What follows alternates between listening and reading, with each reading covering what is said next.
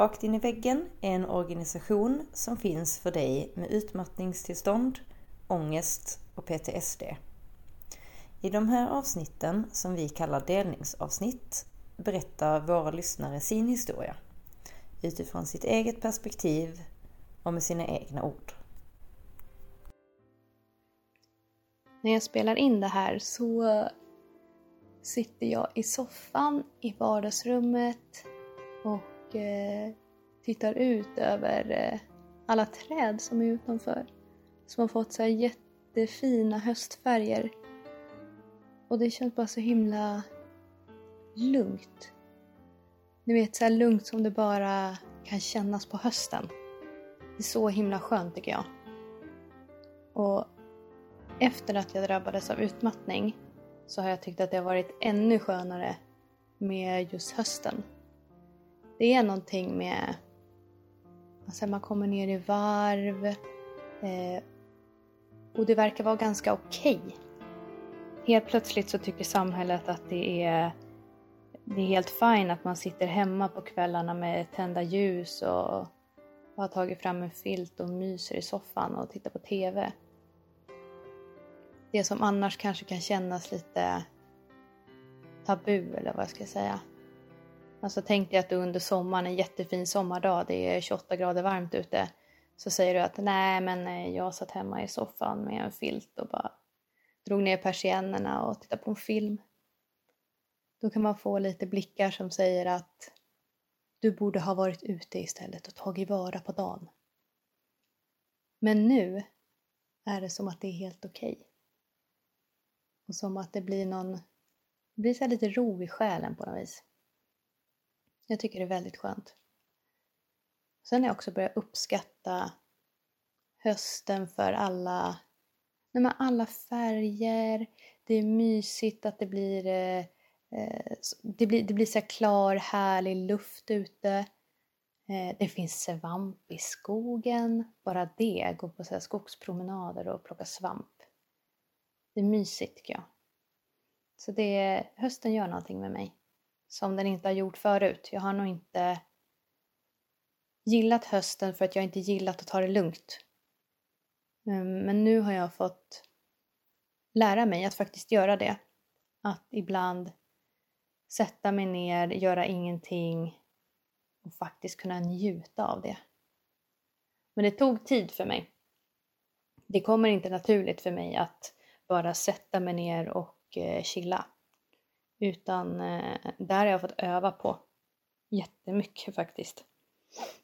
Eh, första gången jag gick på en sån här yogaklass så eh, skulle man i slutet då så var det någon form av yoga nidra där man eh, då bara ligger egentligen ner på sin yogamatta och eh, kroppen sover men sinnet är vaket. Och så gick hon igenom olika kroppsdelar och så skulle vi då, en kroppsskanning då som det heter, så skulle vi då tänka på de här delarna som hon sa. Eh, och så i slutet så sa hon att ja men nu kan ni sakta börja komma tillbaka till rummet. Och då kommer jag ihåg att jag tänkte så här, ja men vart tror du att jag har varit? Jag har ju varit i rummet hela tiden. Vad är det här för trams? Men när jag hade gjort det här ett tag så blev det min favoritgrej. Alltså som jag verkligen, längtade till jag skulle få gå på yogan och bara ta det lugnt. För jag hade börjat vänja mig vid att så här, låta sinnet ha sin gång lite grann. Eh, och började få lite, kanske lite mer koll på vad kroppen sa, vad, vad tankar och känslor innebär. Att man faktiskt inte alltid behöver lita på sina tankar och känslor. Eh, och det har hjälpt mig jättemycket genom utmattningen. Att förstå att ibland tänker jag saker som jag inte ska lyssna på. Och ibland känner jag saker som är, det är sant, alltså det är ju en känsla jag har. Men jag behöver inte alltid drunkna i den känslan. Jag behöver liksom inte ja, men känner jag tryck för bröstet så behöver jag ju inte hålla på och känna och tänka ihjäl mig och älta det här för att då blir det värre. Samtidigt så tänker jag att man inte bara ska ignorera det, för det är det som har gjort, alltså att jag har ignorerat min kroppssignaler, det är det som har gjort att jag har hamnat här. Så att vara medveten om vad det är som händer, acceptera vad det är som händer och sen landa i det. Det tror jag har varit en, en nyckel för mig för att kunna hantera alla de här äh, topparna och dalarna som en utmattning innebär. För för mig har det varit så jäkla svårt. Att man ena dagen så bara lyser hoppet och man känner att nej men nu jäklar bra dag. Och man börjar planera saker och man tror att man ska kunna göra allt liksom. Ja men nu, det är dags. Jag, nu kan vi ju flytta samtidigt som jag jobbar heltid och pluggar heltid. Låt oss skaffa ett barn till. Alltså, allt det där kan ju komma en bra dag. För att dagen efter så är det liksom bara som bortblåst. Och man ligger och tänker på hur hopplöst allt är, att man aldrig kommer komma ur den här uh, energilösheten. Och det... Alltså den variationen, alltså den, de stora, det är liksom topparna, det är liksom topparnas toppar och dalarna är dalarnas dalar. Det är svårt, det där mellantinget, det så här mellanmjölksvardagen, den har inte funnits för mig på väldigt länge. Och jag trodde aldrig jag skulle säga att man liksom skulle sakna den där vardagen, ekorrhjulet. Men jag gör faktiskt det. Jag vill bara få komma tillbaka till så här rutiner som jag klarar av att hålla på något vis. Ja. Och det är svårt, det är så svårt att hitta de rutinerna för att hela tiden under utmattningen så skiftar ju den här äh, Alltså ribban. Ribban för vad man klarar just då. Den kan ju skifta från dag till dag, den kan skifta från timme till timme, men den kan också skifta liksom från månad till månad. Och det gör det så svårt att planera att ja, men det här och det här orkar jag just nu. För att det flyttas ju. Hela tiden förflyttas det det är som att ha ett litet spädbarn. Och så tänker man så här, nej men nu, nu har vi kommit in i rutinerna här. Nu sover han de här timmarna, han äter de här timmarna, usch, nu går det bra. Och precis när man känner det där, nu sitter den, då förändras rutinerna. För då ska han inte äta si och så många gånger per dag längre utan då är det en eh, extra gång eller så är det tvärtom att nej, men nu ska han inte sova tre gånger per dag, nu sover han helt plötsligt två gånger per dag och då byttes alla rutiner bara så här över en natt. Och lite så där känner jag att det har varit med, med utmattningen också. Att man vet liksom inte riktigt vart man står och det har jag tyckt varit jätte svårt, Otroligt svårt att hantera. Eh, och framförallt att acceptera. Att nu är det så här. Nu är livet ganska oberäkneligt. Och det får vara så. Det är okej okay att det är så. Eh, det har kommit lite mer skulle jag ändå säga på sista tiden.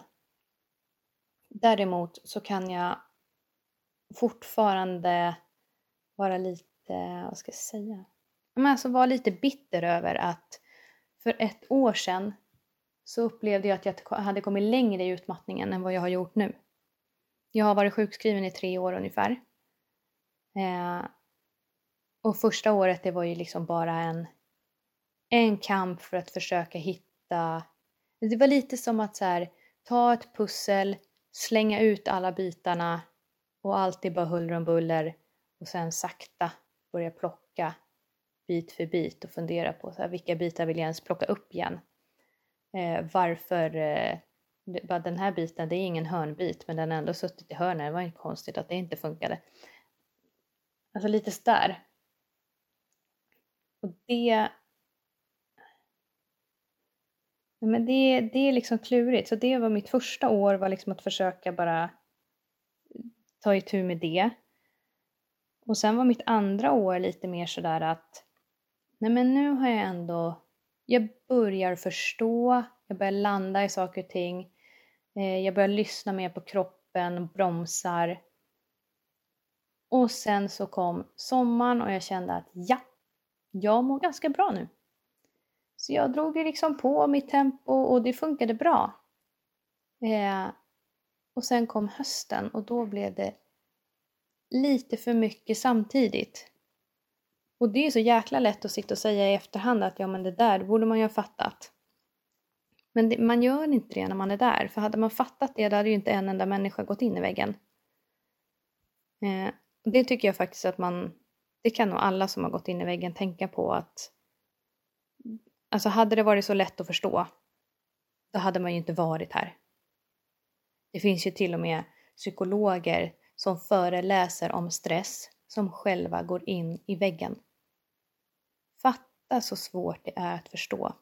Så man behöver ju aldrig klandra sig själv för att det här hände. Och det, det försöker jag säga till mig själv ganska ofta. Att in, inte klandra mig själv utan att bara försöka tänka så här: okej okay, nu har det här hänt. Det, det här är det jag har att utgå ifrån nu. Det här är mina förutsättningar. Jag har hamnat här, punkt. Nu behöver jag bara acceptera att jag är här för att kunna ta mig framåt.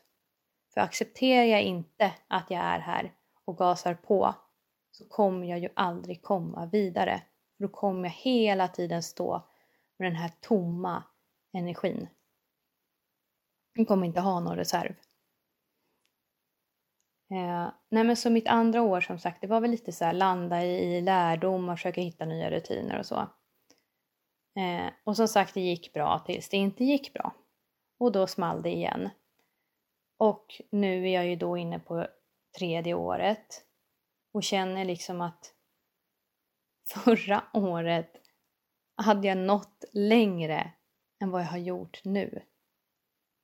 Och det gnager faktiskt, måste jag ärligt säga. Det gnager i mig.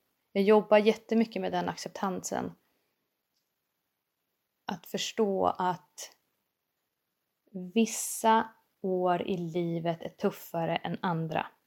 Det har säkert hänt saker det här året som inte hände förra året. Och det är därför jag är tillbaka här. Um, och jag märker ju hur mycket jag har lärt mig när jag hamnar i bakslag. Då jag, jag noterade mycket tidigare. Eh, jag vet lite grann i alla fall vilka verktyg jag kan plocka fram. Eh, jag förstår hur jag kan bromsa, vad det är viktigt att jag börjar tänka på. Eh, bli noggrannare med pauser, ta mig ut på promenader, eh, försöka att... Eh, oj, hörde ni det där? Min mage kurrar jättemycket. Eh. Nej men också att försöka lägga in den här mindfulness-tiden varje dag när man bara är. Och det har liksom, det har varit någonting som har tagit lite, lite stopp i mig att göra för att det kommer fortfarande inte naturligt för mig att bara vara. Jag tycker det är så jäkla skönt när jag är där. Men steget att liksom gå ner till källan, lägga mig på min yogamatta, tända lite ljus, kanske ha en kopp te. Bara steget ner dit gör att jag bara... Jag bara skjuter på det och så blir det inte av. Ja, så att det, med det här vill jag nog egentligen bara säga att även om det har gått en tid så vill jag bara poängtera att saker och ting behöver faktiskt inte 100% ha fallit på plats. Bara för att man blir friskare så behöver inte det betyda att saker bara flyter. Utan man kommer hela tiden behöva jobba på det här. Att hålla upp göra rutiner, hålla upp såna här, äh, ja men bara vara stunder. Eh, för att på något sätt fortsätta, vad ska man säga, kampen mot utmattningen. För jag tänkte när jag blev sjukskriven att det här är över på några månader. Sen är jag tillbaka och då är jag som jag alltid har varit. Men jag har ju sakta fått förstå att det är faktiskt inte så. Jag kanske, eller jag borde aldrig bli så som jag har varit. För att gå tillbaka dit innebär ju att bli sjuk igen. Och jag gör inte det här en gång till. Det här är ju... Det suger. Eh, och nu tänkte jag så här, jag ska inte glömma bort att presentera mig. Och så körde jag på en kvart nu och bara, orden bara flöt. Eh, och så glömde jag bort att presentera mig. Så att jag tänkte bara lite kort säga att eh, mitt namn är Irene Rösberg. Eh, jag bor strax utanför Nynäshamn i en by som heter Sorunda. Eh, där bor jag i ett hus tillsammans med min man och eh, vår son som är eh, fyra och ett halvt. Eh, och vi flyttade ner hit egentligen eh, på grund av min utmattning. Men jag tänkte jag ska komma tillbaka till det sen. Nu ska jag inte tappa det här igen. Eh, presentation håller vi på med. Eh, jag eh, har pluggat civilekonom. Eh, och när jag jobbade som marknadschef för några år sedan, det var då jag gick in i väggen. Och nu vill jag bara så här också passa på att lägga in att i media så tycker jag att det målas upp så ofta att det är jobbet som är draman. Eller det är jobbet som är boven i dramat, så heter det. Att det skulle vara så, som att det skulle vara så enkelt att ja, ja, men plocka bort jobbet bara och sjukskriv dig så kommer du bli frisk igen.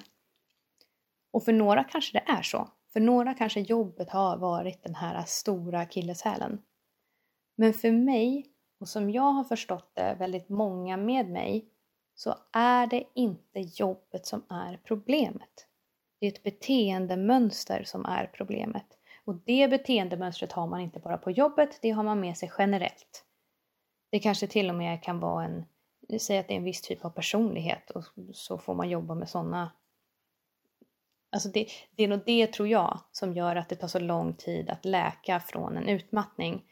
Eh, det är att du behöver jobba om mönster som man har haft så jäkla länge. Och det är svårt. Det tar ju tid. Eh, och för mig så har det här äh, medias... Alltså så här, när media målar upp det som att du är, behöver vara en medelålders kvinna inom vården för att gå in i väggen och du ska dessutom ha upplevt något trauma tidigare som sen visar sig senare i livet i form av en utmattning eller depression eller någon annan psykisk ohälsa. Då tror jag att jag inte har rätt att bli utmattad. Och det var det här som gjorde att det tog så lång tid för mig att förstå att jag hade drabbats av utmattning. Jag som är 30 år, alldeles för ung tycker jag, eller tyckte jag då. Eh, nu ser jag lite annorlunda på det. Nu tänker jag att det kanske var bra att jag gick in i väggen när jag bara var 30. För tänk om jag hade fortsatt i samma hjulspår i liksom 10-20 år till. Det hade jag inte velat. Så bättre att ha det här nu bara av sådär. Okej, okay, vi, vi gör det här nu så att jag bara kan få leva på ett annat sätt eh, resten av mitt liv. Eh, men som sagt, och jag har inte något trauma som jag gått igenom under min barndom. Ehm, ja, och jobbar ju då som marknadschef så att jag jobbar inte ens inom vård och omsorg. Så jag tyckte liksom inte att det fanns en anledning för mig att gå in i väggen. Så när läkarna började ta upp det här med stress så tyckte jag att nej men alltså jag passar inte in. Den här mentala regelboken som jag hade satt upp för mig själv stämde jag inte in på. Och därför så tänkte jag att nej men vi behöver hitta den egentliga anledningen till att jag mår som jag gör.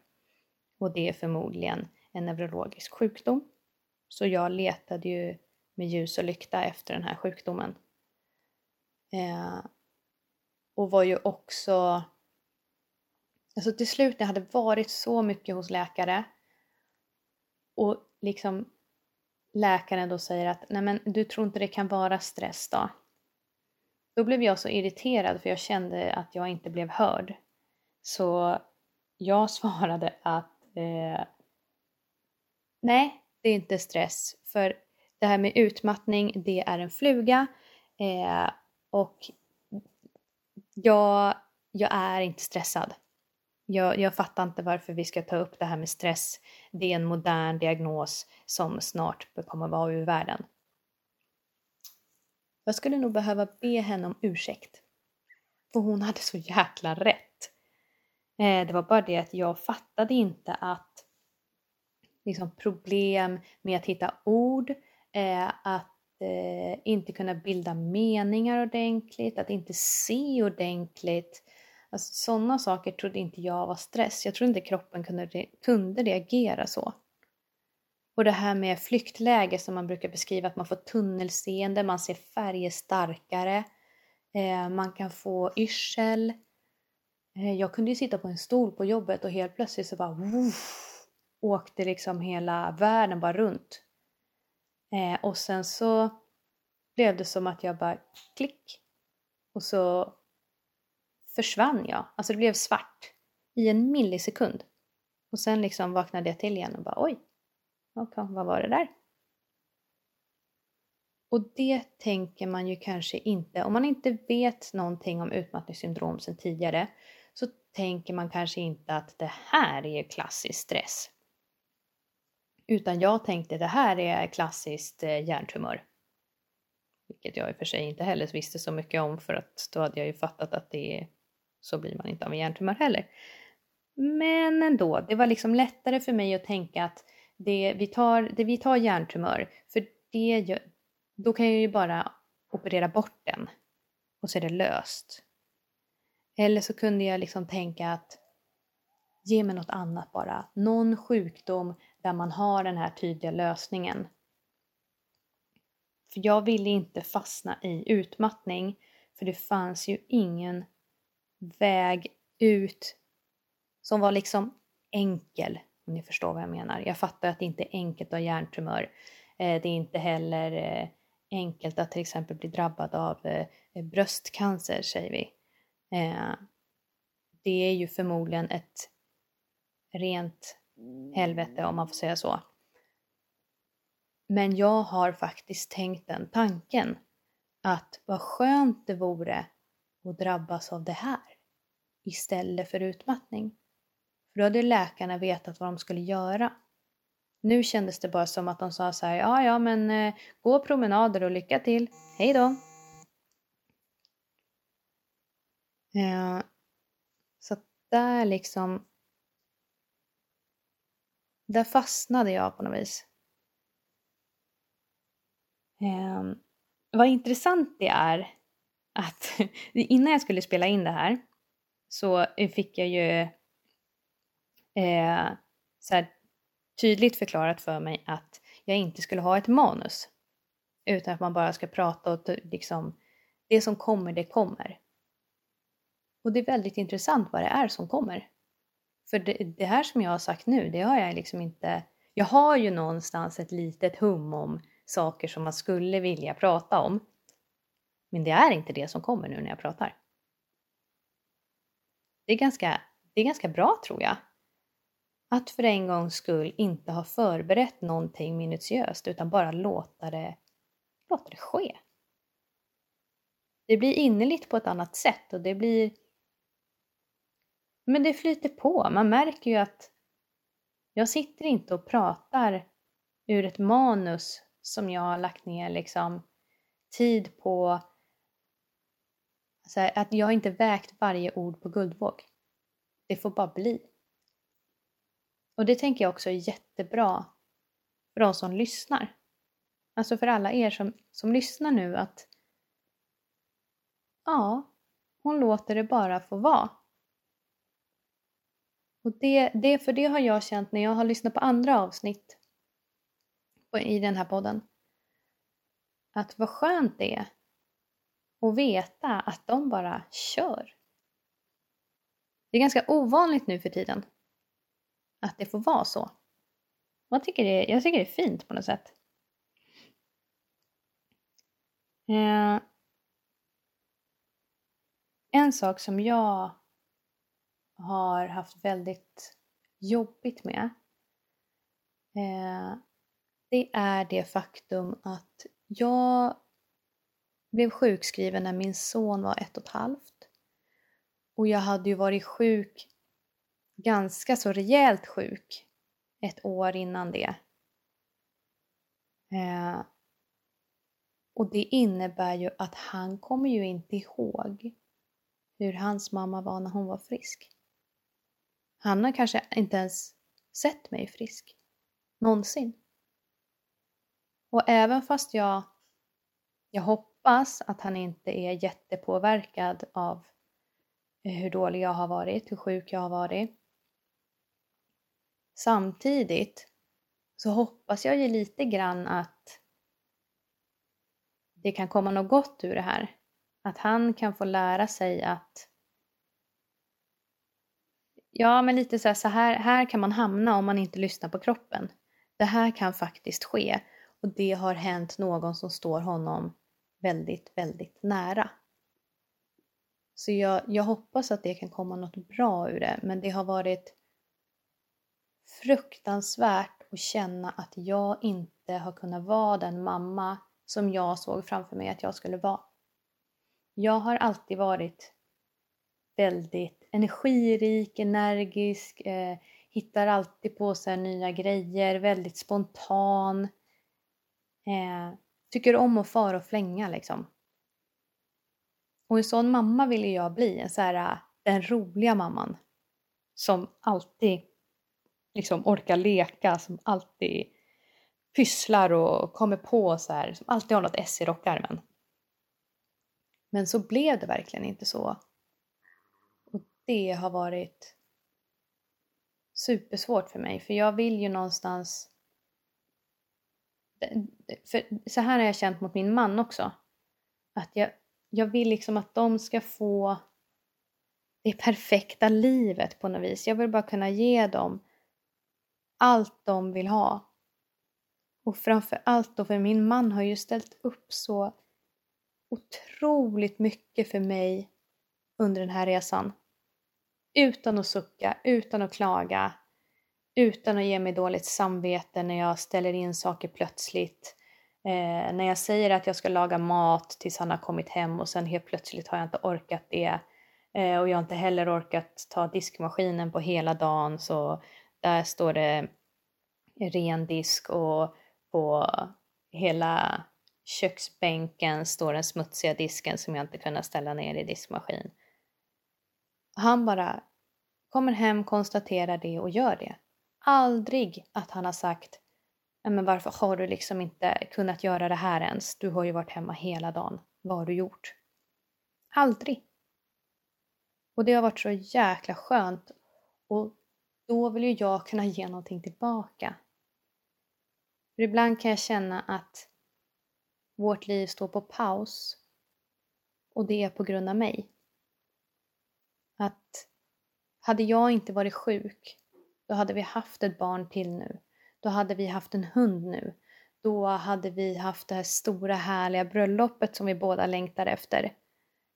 Men det blev inte så utan förra året fick vi gifta oss ute på balkongen för att jag orkade inget annat.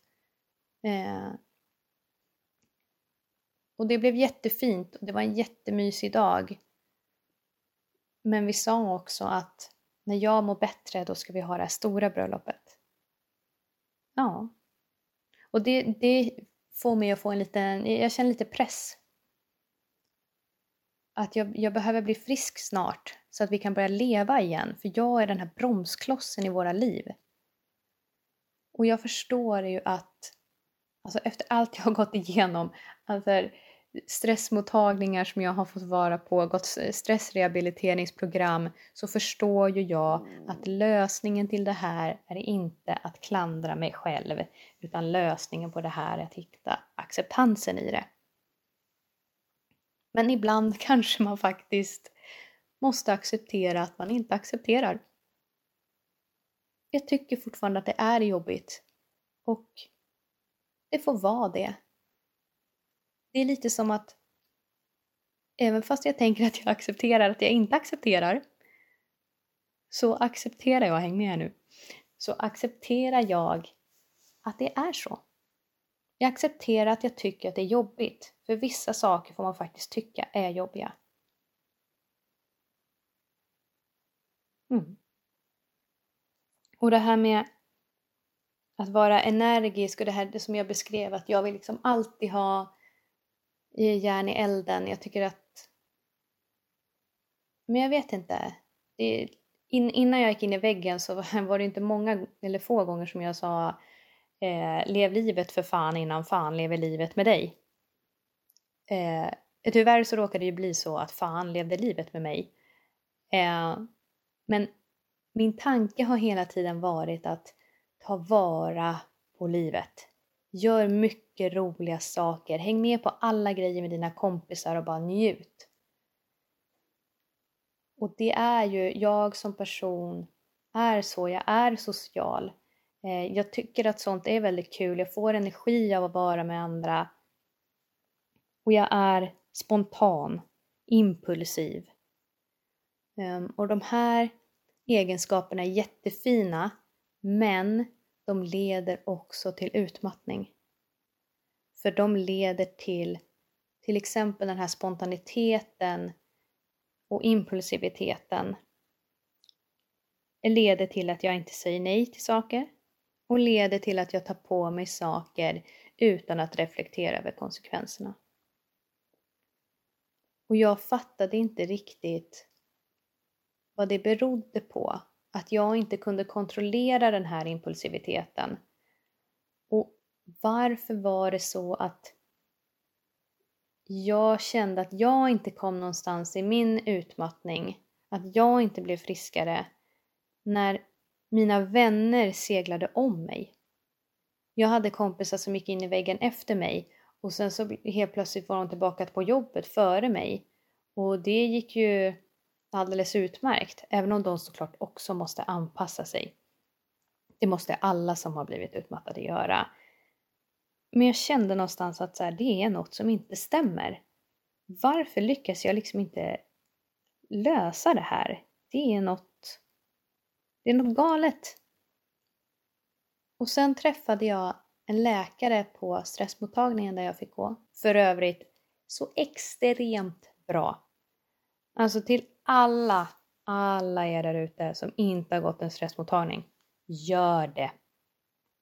Det är, det är en game changer. I alla fall för mig.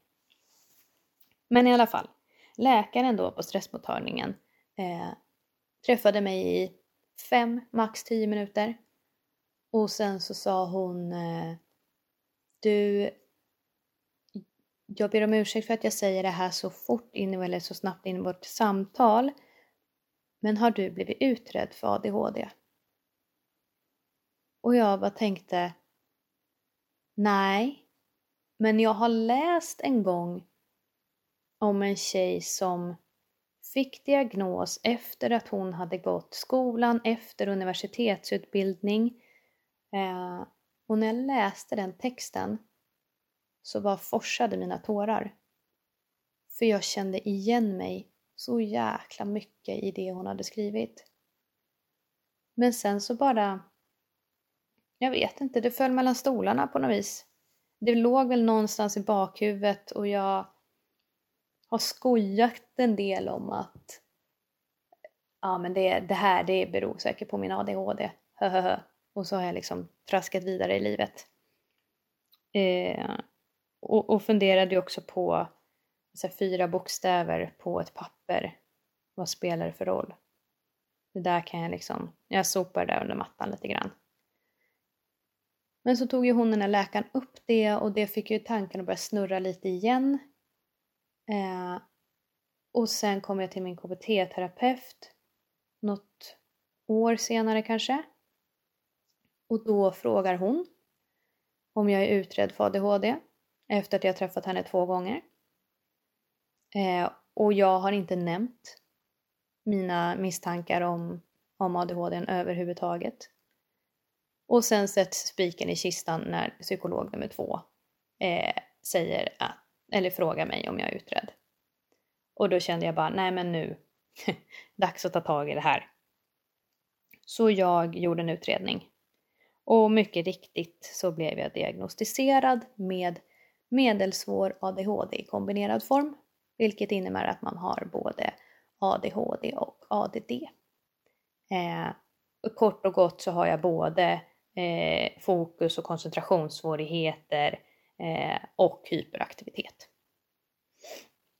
Och det här för mig var absolut inte bara fyra bokstäver på ett papper.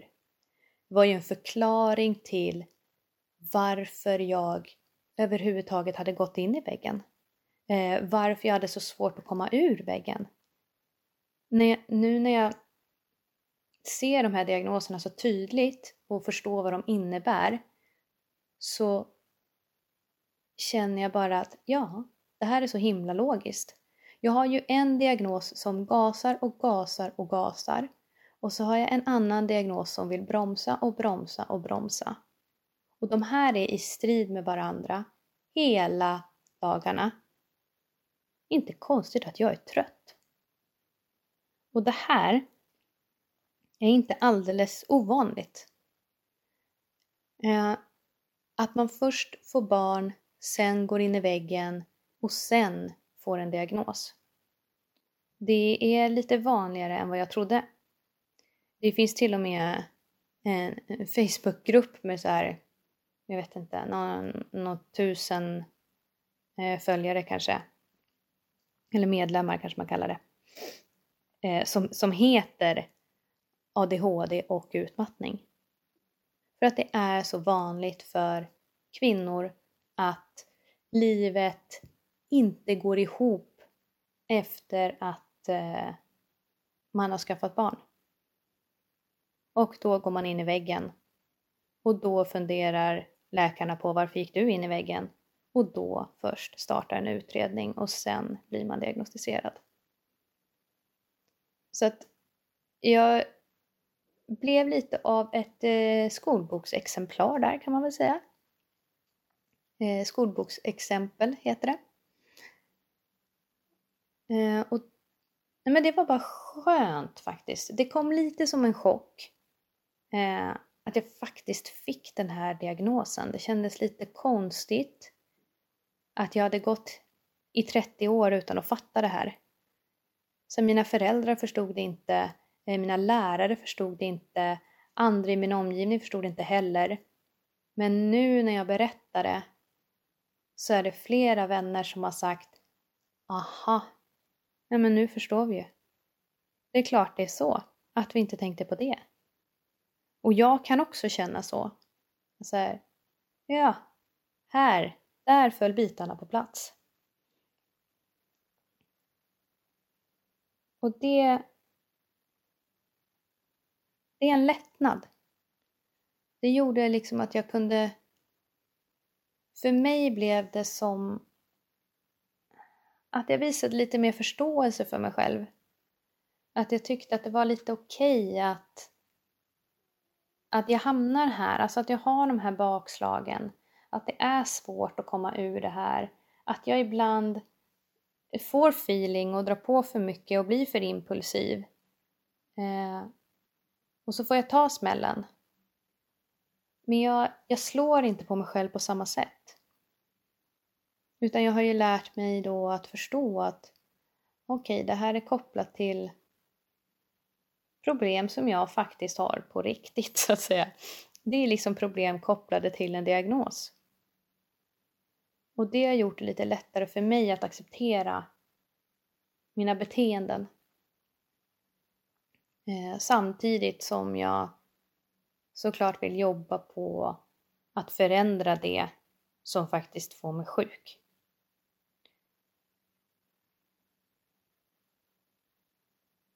Mm. Vad skönt det är att bara sitta så här och ja, men bara så här, prata av sig. Det är nästan lite som att eh, ja, men man sitter hos en eh, psykolog. Man själv är både patienten och psykologen. Man kanske borde göra så här någon gång ibland. Bara spela in sig själv i en timme när man sitter och snackar om livet som det är just nu. Um,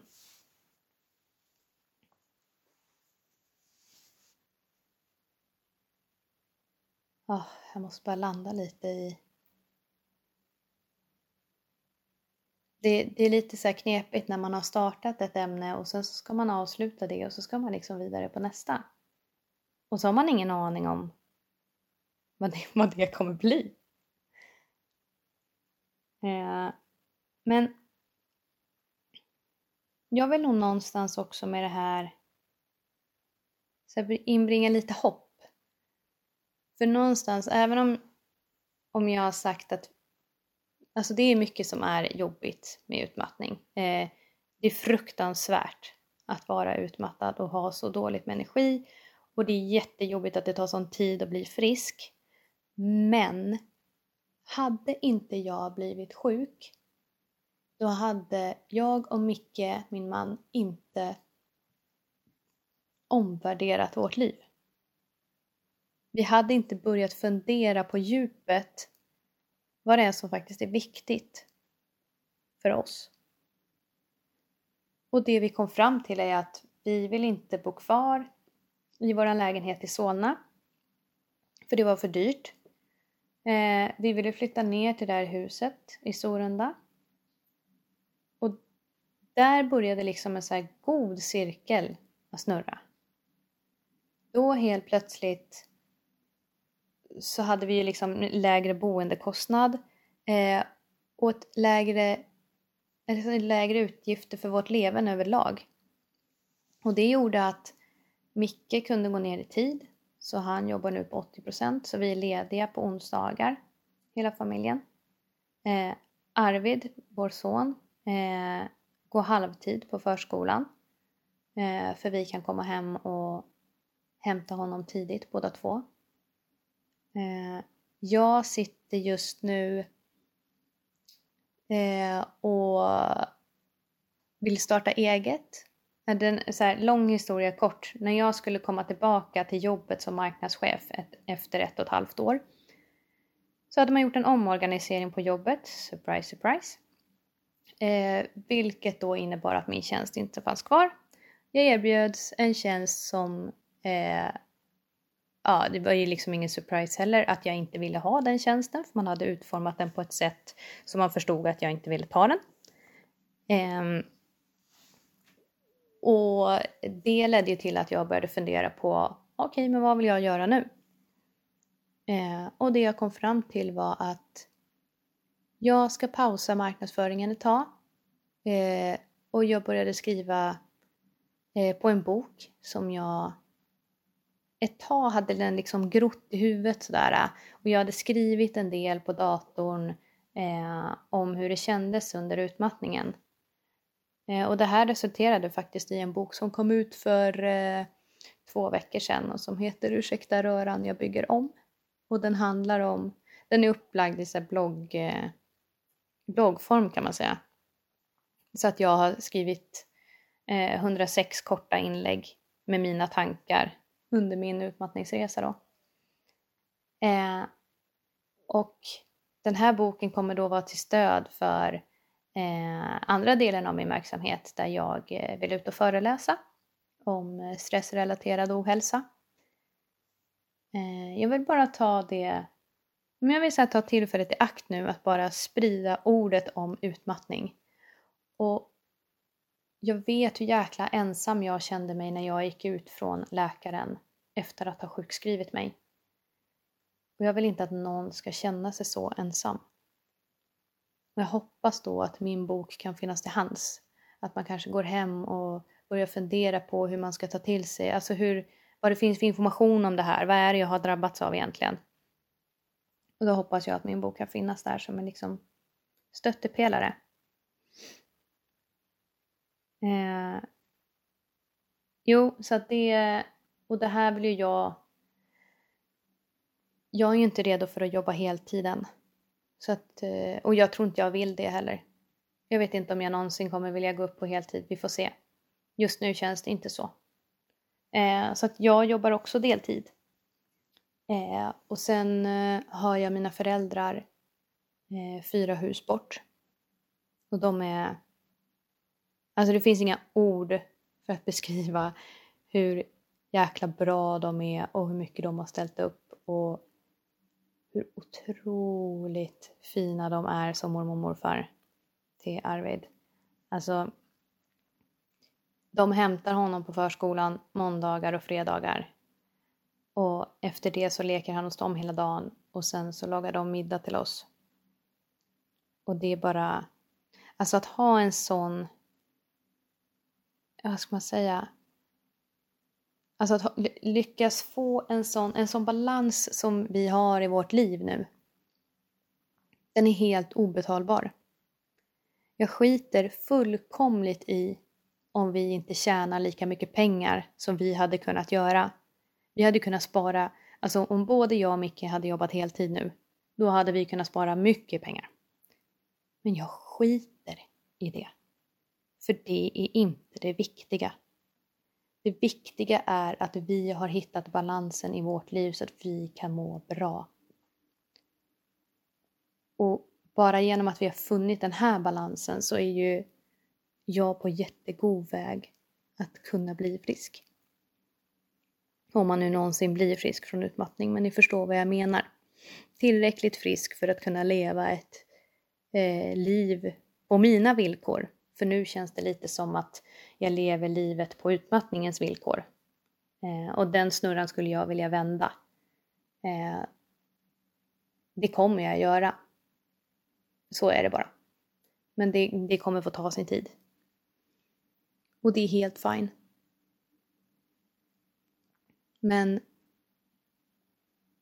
utmattningen ledde faktiskt till att vi hittade den här balansen i livet. Och för det är jag faktiskt tacksam.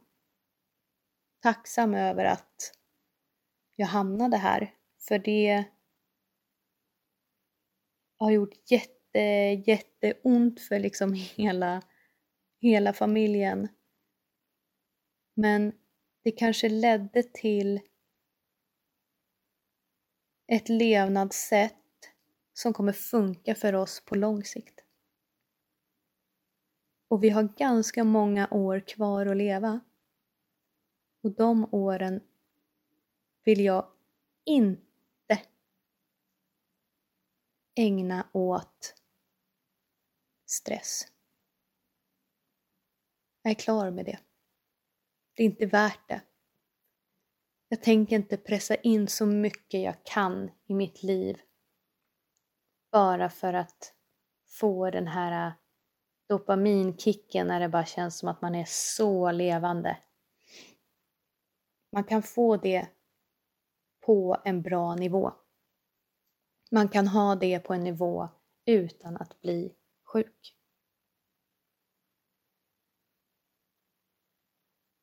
Och nu kommer jag att tänka på...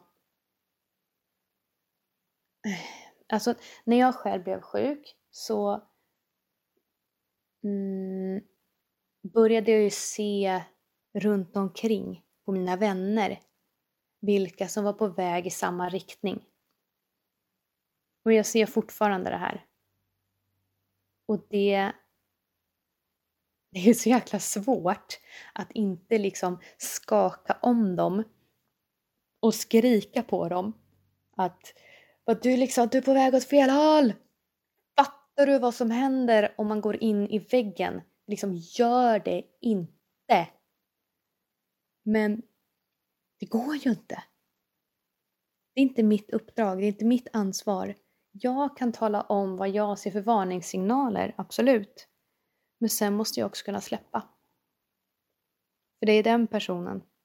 Det är den personens liv. Det är inte mitt liv. Och det är svårt alltså, för att när man Alltså när man har sjunkit så djupt och jag vet ju vad det innebär att vara där, här, whatever. Då vet, man önskar ju inte sin värsta fiende det här. Och när man då ser en vän på väg hit. Nej, det är svårt. Men som sagt, jag kan ju inte gå ut och leka räddningspatrull åt alla som jag tror kommer gå in i väggen. Det är ändå 70 000 personer varje år som går in i väggen, ish. Eh, det är svårt att rädda alla dem. Det kommer bli... Eh, ja, det blir stressigt. Men... Ja, så det kanske är lite eh, därför också som, som jag skrev bok. Att det är på något sätt mitt, min väg till att försöka rädda dem som räddas kan. Och jag själv har upplevt att igenkänning har varit så skönt. Alltså det har varit så läkande för mig att läsa om personer som tycker, tänker, reflekterar, upplever allt det jag själv har upplevt. Det, det har liksom gjort att man inte har känt sig ensam. Och så som jag kände det när jag gick ut från läkaren den där dagen, när jag hade sjukskrivit mig och bara kände, vad fan ska jag göra nu? Så vill inte jag att någon annan ska behöva känna. När det är så många som blir sjukskrivna för utmattningssyndrom varje år, eller det här är förresten, de här 70 000, det är psykisk ohälsa överlag. Men det tar fortfarande inte bort det faktum att det är extremt många som blir sjukskrivna för utmattningssyndrom varje år. Och jag förstår inte hur de personerna kan tillåtas att känna sig ensamma. Det måste väl finnas sätt att hjälpa de här personerna så att man inte ska behöva känna en stress eller en skam över att man tror att man är typ den enda som har upplevt det här. Den enda som har varit dum nog att köra så hårt att man nu är sjuk. Alltså ingen ska behöva tänka så om sig själv. Det är inte värdigt. Och det har gjort att jag har tackat ja till att prata för den här podden. För det här tycker jag är så viktigt. Och det är ju det jag kan göra. Jag kan inte göra mer än så. Jag kan gå ut och berätta min historia och hoppas att den kan hjälpa andra i sin återhämtning eller att det kan göra att någon annan faktiskt inte går in i väggen. Det vore ju magiskt. Tänk att kunna stoppa någon i tid. Ja, det är coolt. Jag tänkte avsluta med att eh, läsa en eh, dikt som jag eh, inleder min bok med. Eh, egentligen så skrev jag den här dikten till eh, avslutningen eh, på det här stressrehabiliteringsprogrammet som jag gick. Eh, vi gick det i ett halvår, det var gruppterapi, eh, vi var åtta personer i gruppen. Helt fantastiska människor. Eh, jag tänkte att gruppterapi var, nej nej, det här kommer jag inte gå på, finns inte en chans. Och så är det bara det bästa som har hänt. Det var så jäkla bra för min rehab. Jag träffade personer som var helt annorlunda från mig, men ändå precis som mig. De hade upplevt precis samma saker. Och de hade samma svårigheter i vardagen, samma problem med att hitta acceptansen, samma problem med att stoppa i tid, eh, samma skuldkänslor, sam alltså allt. Det fanns så mycket likheter och det var så skönt. Samtidigt var vi så olika. Det var jag, så här, ung tjej, eh, marknadschef och så hade vi en eh, polis, vi hade en projektledare, vi hade en VD, vi hade en lärare. Det var liksom allt. Och det var 50-50 killar och tjejer. Och det blev det blev liksom som att komma till sin lilla familj. Och jag tror jag delade saker med dem som jag inte har delat med någon annan. Så det är verkligen ett, eh, ett tips från min sida. Sök upp den närmaste stressmottagningen och bara se till att få en remiss. Eh, ibland kan man skriva egen remisser också men det kanske man inte är så jäkla peppad på när man knappt orkar lyfta fingret. Eh, men jag, jag fick kämpa ganska hårt för att komma dit, eh, tyvärr. Jag fick eh, ja, men höra av mig till stressmottagningen och fråga vilka prover man skulle ta. Eh, sen fick jag ringa till läkaren, säga vilka prover jag behövde ta, eh, be henne skriva ner det för att hon var inte den skarpaste kniven i lådan. Eh, och sen frågade jag när jag fick komma dit och ta de här proverna. Eh, jag tog dem, sen fick jag höra av mig till henne igen och berätta att du ska skicka in en remiss. Det måste du göra via brev och du ska lägga med de här proverna. Du måste också skriva om min sjukdomsbild. Ja, eh, ni förstår, jag meckade ganska mycket med det här. Eh, men jag kom ju faktiskt också dit till slut. Så i mitt fall var det ju värt det. Eh, men det ska ju inte behöva vara så. Men hur som helst, när man då ska säga hej då till sin den här familjen man har hittat. Eh, då ville jag, jag ville liksom hitta någonting som sammanfattade min resa. Och då bara kom den här uh, dikten som eh, jag nu ska läsa upp. Den går så här. Energin är slut för dagen. Jag ligger helt lamslagen. Hur jag hamnade här minns jag inte, som ni förstår. Det gick så fort, men ändå tog det flera år. De flesta minns nog det där tillfället när det sa stopp. För mig var det när jag mitt barns namn inte kunde läsa upp. Då dyker många frågor upp i hjärnan. Hur tappade jag den där gnistan och stjärnan? Att vara sjukskriven för att man är lite trött kändes så fel. Men det beslutet kom att betyda en hel del. Först tyckte jag att ett liv utan jobb meningslöst var. Vid mitt tomma skrivbord satt ju min identitet kvar. Men ju längre tid jag satt där hemma i salen, desto tydligare blev det att familjen ska upp på pedestalen. Jag vet inte hur många gånger jag har sagt att jag är trött på att vara trött. Eller önskat att de upptäckt den där andra sjukdomen så jag kunde dött. Det låter dramatiskt, men det är faktiskt så med utmattning. Att man ibland totalt mister sin fattning. Men så kommer det en dag när man en liten glimt av sig själv ser man minns genast och vill bara ha mer. Man kämpar och sliter med energibalans för att snart hitta sig själv, fast någon annanstans. Den här stigen vill jag inte att min värsta fiende ska promenera. Samtidigt önskar jag att alla fick chansen att sitt liv omvärdera.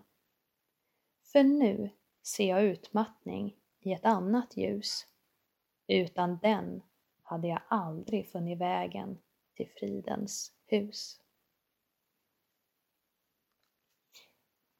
Med det sagt så hoppas jag att ni får med någonting från det här poddavsnittet som kan hjälpa er att finna Fridens hus.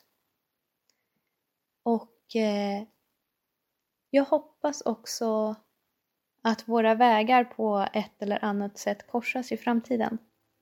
Det vore väldigt kul. Eh, jag finns på både Facebook och Instagram under eh, namnet Ursäkta röran, jag bygger om. Och det vore jättekul om vi sågs där. Eh, annars får ni såklart jättegärna eh, köpa eller läsa eh, min bok. Eh, som också helt otippat heter Ursäkta röran, jag bygger om. Tills vi ses igen så önskar jag er all lycka och mycket, mycket kärlek. Hej då!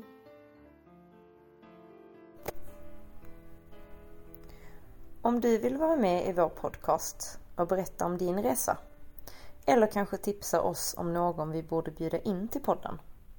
Då är du välkommen att höra av dig till vår producent. Adressen är caroline.raktinivaggen.se